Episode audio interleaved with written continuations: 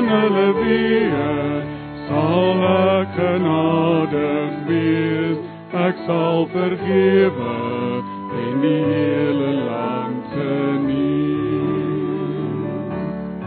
as my volk oor wie my naam uitgeroep is.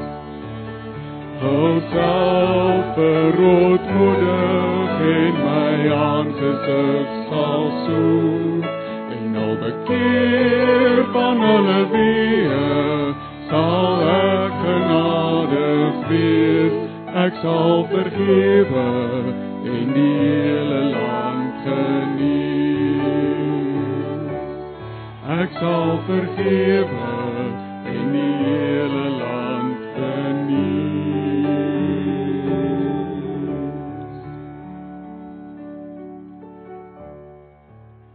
Kom ons raak dit vir 'n oomblik nou stil nadat ons die Here se lof besing het. En ons vra dat hy ook ons ons denke nou sal rig spesifiek op hierdie saak van gebed waarmee ons vanoggend gaan besig wees. Ag Here, ons kom nou na U toe en ons vra dat U ons maar net vanoggend iets sal laat verstaan van hoe belangrik dit is dat ons sal bid en dat U dit vir ons wil. U wil hê ons moet bid vir 'n baie spesifieke rede. Help ons om te hoor wat U sê. En dan as ons vanoggend U gaan aanroep, Here, hoor ons asseblief in Jesus se naam. Amen. Onderwerp van gebed of dan spesifiek besig te wees met gebed. Ehm um, ons weet dat gebed belangrik is of ten minste weet ons dit behoort belangrik te wees, nie waar nie? Die vraag is natuurlik hoekom is dit belangrik? Is gebed net belangrik omdat dit nou maar een van die dinge is wat ons as Christene moet doen? Soos Bybel lees en sing. Is dit maar net een van daardie dinge en dit is hoekom ons moet bid? Uh of moet ons bid want eintlik werk God met ons deur gebed en verander ons, maar ehm uh, ons weet hy doen eintlik wat hy wil of ons nou bid of nie. Ek het al dikwels dit gehoor, Christen sê eintlik ag eintlik gebed, enige ding is God verander ons deur gebed. Verseker doen hy dit. Maar dis eintlik eintlik hoekom ons bid. Eintlik doen hy mos maar wat hy wil. Wel as dit natuurlik so is, dan kan ek verstaan dat ons nie baie opgewonde is oor gebed nie, dan kan ek verstaan hoekom ons nie eintlik bid hier bywoon nie en hoekom ons soos ek sê eintlik nie opgewonde gaan wees oor vanoggend nie. Maar ek wil volgens die stelling maak dat dat gebed nie in dieselfde kategorie as Bybel lees en sing is nie.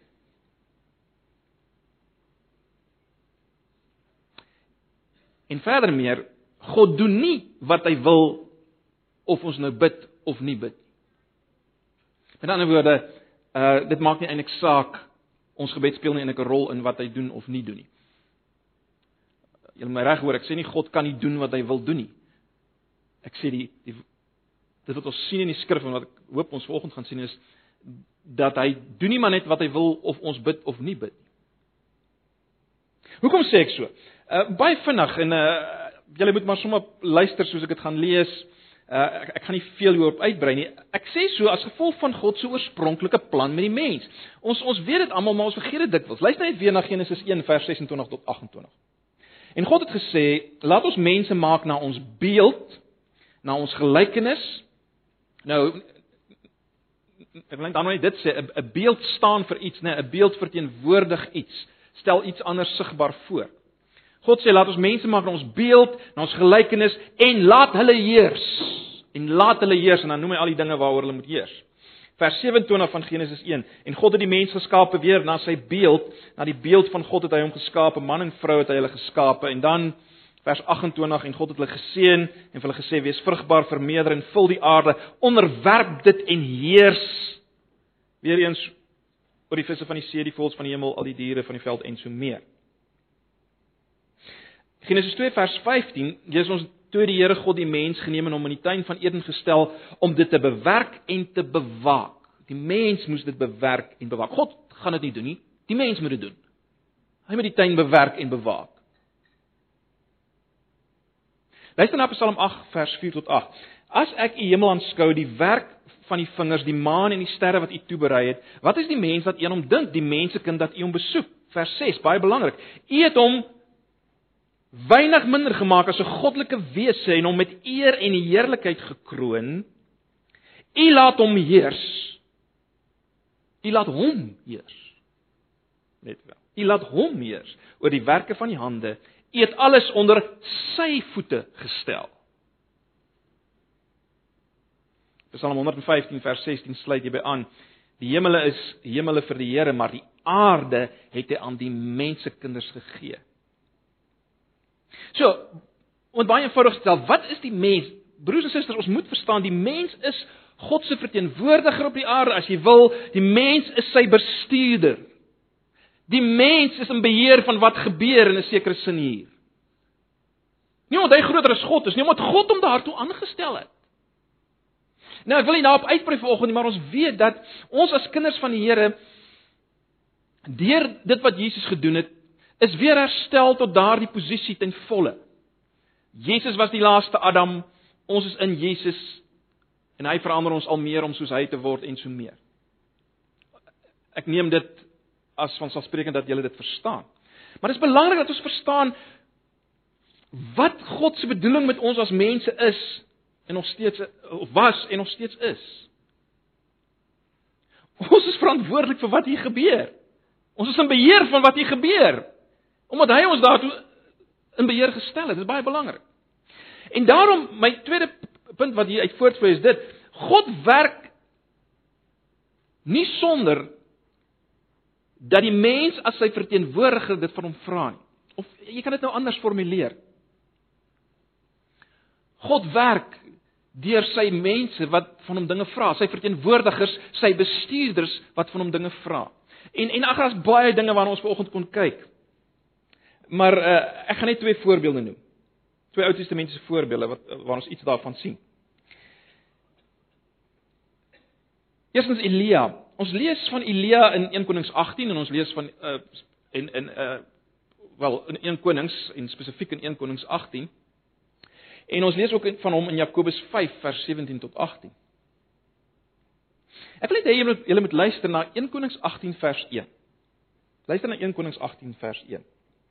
En geruime tyd daarna het die woord van die Here in die 3de jaar tot Elia gekom en gesê: "Gaan heen, vertoon jou aan Agab, dan wil ek reën gee op die aarde." En as ons nou aan die einde van die hoofstuk kom, dan sien mens Elia bid.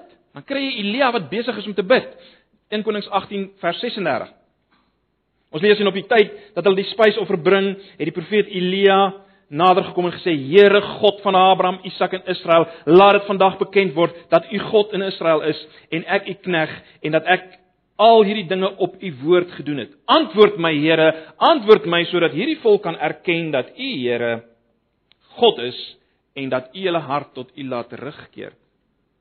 Daarop het die vuur van die Here neergeval en die brandoffer en die hout en die klippe en die stof verteer, ja, die water wat in die sloot was, opgelek. En dan net 'n paar verse verder in vers 41 sê Elia vir Agab: "Trek op, eet en drink want hoor die gedruis van die reën." Nou is die vraag: Het Elia se gebed werklik die reën veroorsaak of was dit bloot toevallig dat hy besig was om te bid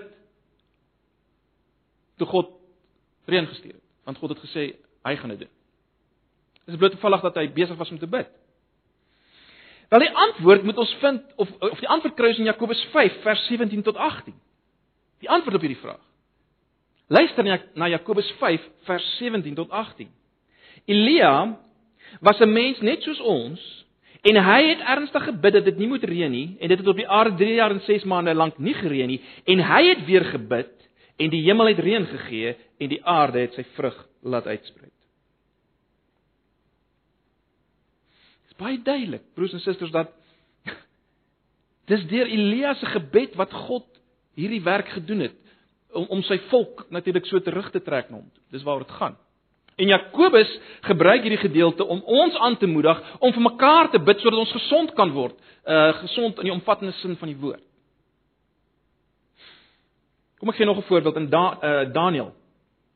In Daniël hoofstuk 9 vers 2, baie interessant, lees ons hoe Daniël uh die profeet Jeremia gelees het en en en dan kom hy agter dat die ballingskap sou 70 jaar duur en met die implikasie dit dit moes nou aan 'n einde kom.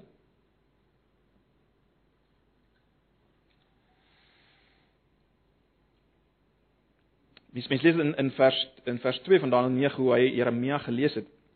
En dan in vers 3 lees ons die volgende. Dis wat Daniël sê. En ek het my aangesig tot die Here God gerig om met vas en in roukleed en as my aan gebed en smeking te wy. En ek wil net vir julle 'n klein gedeeltjie van die gebed, dis 'n lang gebed. Luister net na 'n klein gedeeltjie van van hierdie gebed want dit dit wys ook vir 'n mens iets van van hoe ons moet bid. Hoor dan nou ons God na die gebed van u knegg en na sy smekinge en later wille van die uh, van die Here u aangesig skyn oor die heiligdom wat woes lê. Neig u oor my God en hoor open u oë en aanskou ons verwoeste plekke en die en die stad waar u naam oor uitgeroep is Want nie op grond van ons geregtigheid werp ons ons smekinge voor U aangesig neer, maar op grond van U groote barmhartigheid. Vers 19: Here hoor, Here vergeef, Here merk op en doen dit. Vertoef tog nie om U ontwil my God, want U naam is oor die stad en die volk uitgeroep.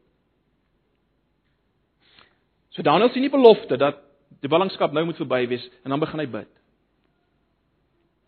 Nou daar's geen let wel, daar's geen eksplisiete uitspraak dat God 'n einde aan die ballingskap gebring het en en al die dinge wat na die ballingskap gebeur het uh as gevolg van Daniël se gebed.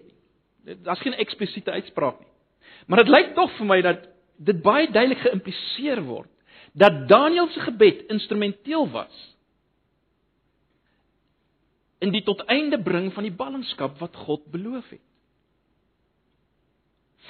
Hoekom? Want net na Daniël gebid het, dan verskyn die engel Gabriël aan hom en hy sê dat hy, hy stryd gevoer het teen al die owerstes en so meer. En dan in vers 12 sê die engel vir Daniël die volgende: Wees nie bevrees nie Daniël, want van die eerste dag af dat jy jou hart daarop gerig het om ag te gee en jou voor die aangesig van jou God te verontmoedig, is jou woorde gehoor. En om jou woorde ontwil het ek gekom Kan dit wees dat God sy beloftes sy beloftes van die einde van ballingskap en alles wat daarna sou kom, kan dit wees dat God dit laat gebeur het deur die instrument van Daniël se gebed? Wel dit lyk so. Net soos by Elia. God het iets gesê, hy gaan iets doen, maar dit gebeur nie alvorens Elia bid nie in dieselfde uur. En broers en susters, as dit so is, dan dan dan, dan vra jy jouself af, wat van al, al die ander beloftes van die Bybel? En is dit nie presies wat ons sien byvoorbeeld in die in die sogenaamde onsse Vader nie? Waar Jesus sê ons moet bid, laat u koninkryk kom, laat u wil geskied soos in die hemel net so op die aarde. Die implikasie is sy koninkryk gaan nie kom nie en sy wil gaan nie geskied as jy dit nie bid nie.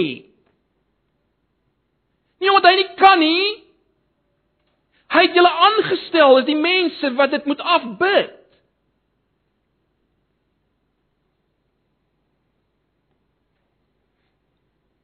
Wat van die belofte? Al die ander beloftes. Die belofte byvoorbeeld soek eers die koninkryk van God en al die ander dinge sal vir julle bygevoeg word. Hoe word dit waar? Hoe word dit geïmplementeer? Mens dink aan wat Paulus is byvoorbeeld, daar's baie voorbeelde. Dink aan 2 Tessalonisense 3 vers 1 waar hy sê: "Verder broeders, bid vir ons, ons die apostels, die predikers, dat die woord van die Here sy snelle loop mag hê en verheerlik word net soos by julle." Die implikasie, die woord gaan nie sy snelle loop neem en verheerlik word soos by julle as julle nie bid nie. Bid.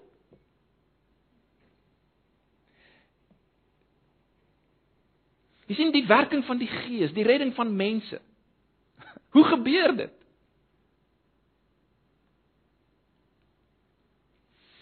Wel, deur die gebed van mense. Dit is baie interessant. Eh, eh, ons het dit ons het daar na verwys toe ons Esegiel gedoen het. In Esegiel 36 is daar al hierdie wonderlike beloftes van die Here oor die reiniging wat hy gaan bring, die nuwe hart wat hy gaan bring, die gees in die binneste, die vergifnis van sonde en so meer.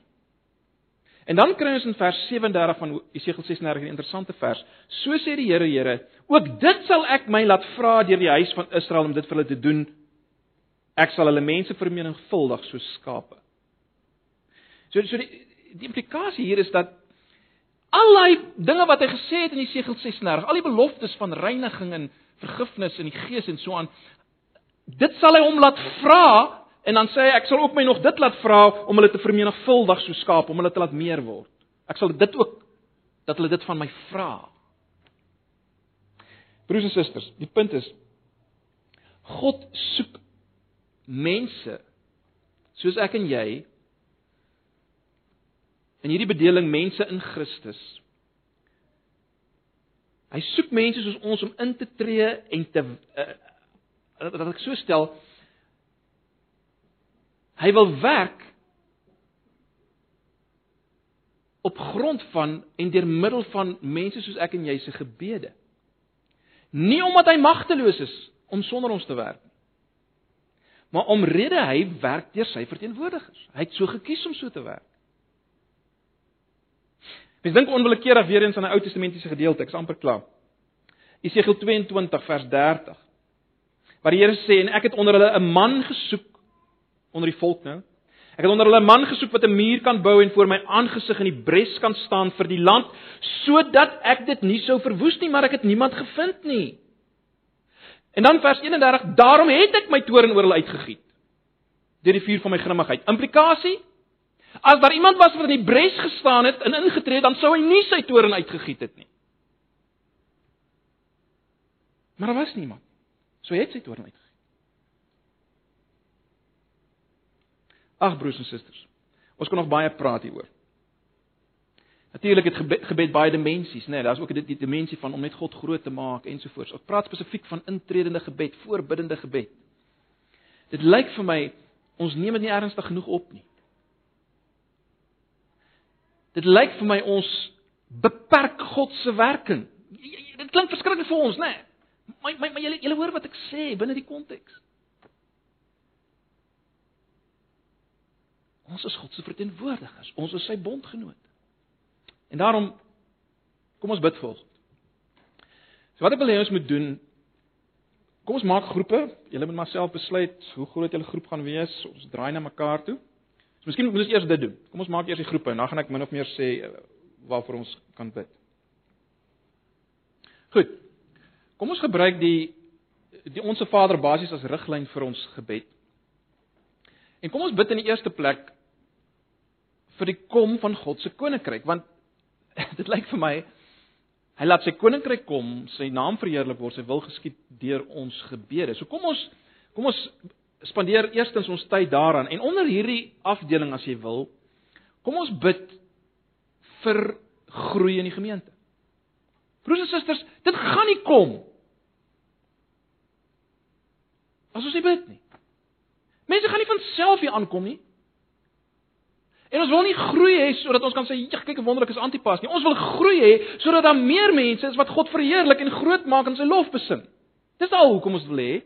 So, maar kom ons bid spesifiek daarvoor. Kom ons bid spesifiek vir oggend onder hierdie afdeling van laat u koninkryk kom. Kom ons bid vir groei, vir numeriese groei en aan te pas.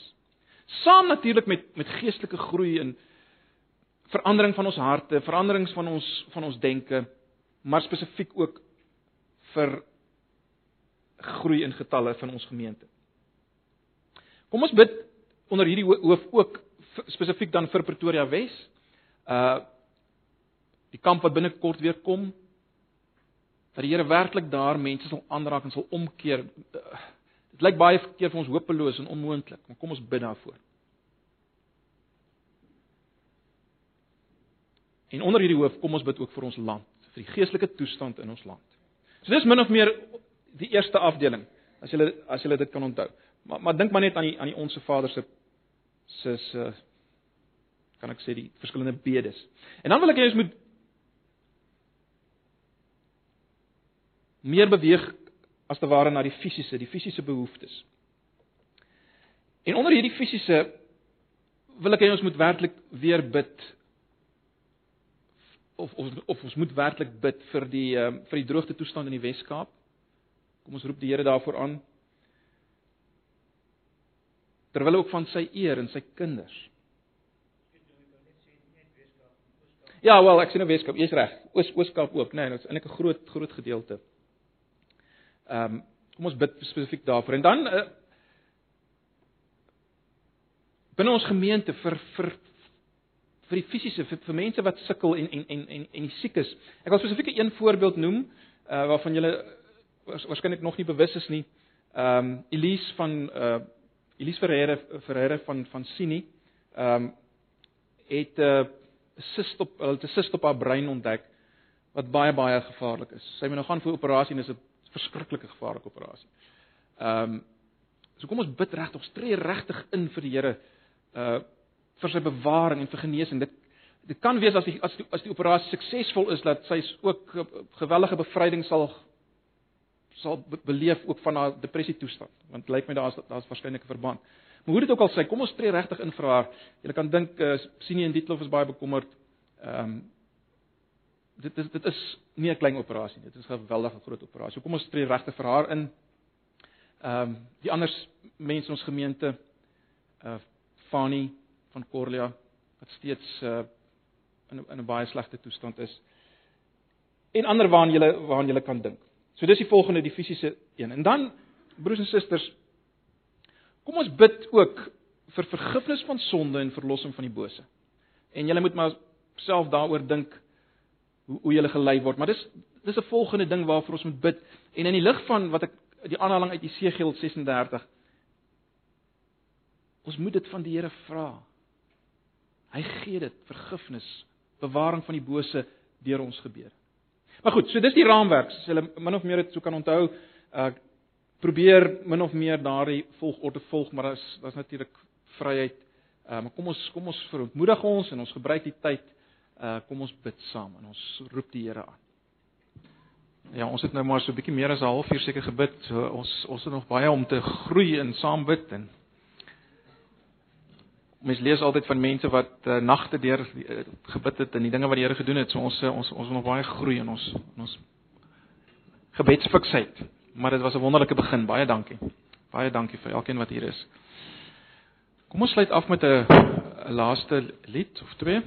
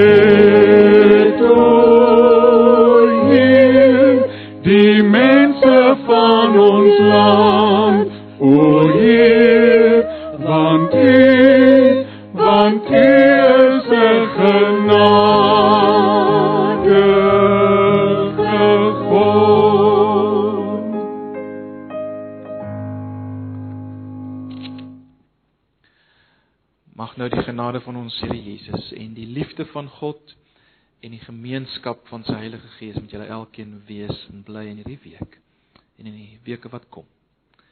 Amen.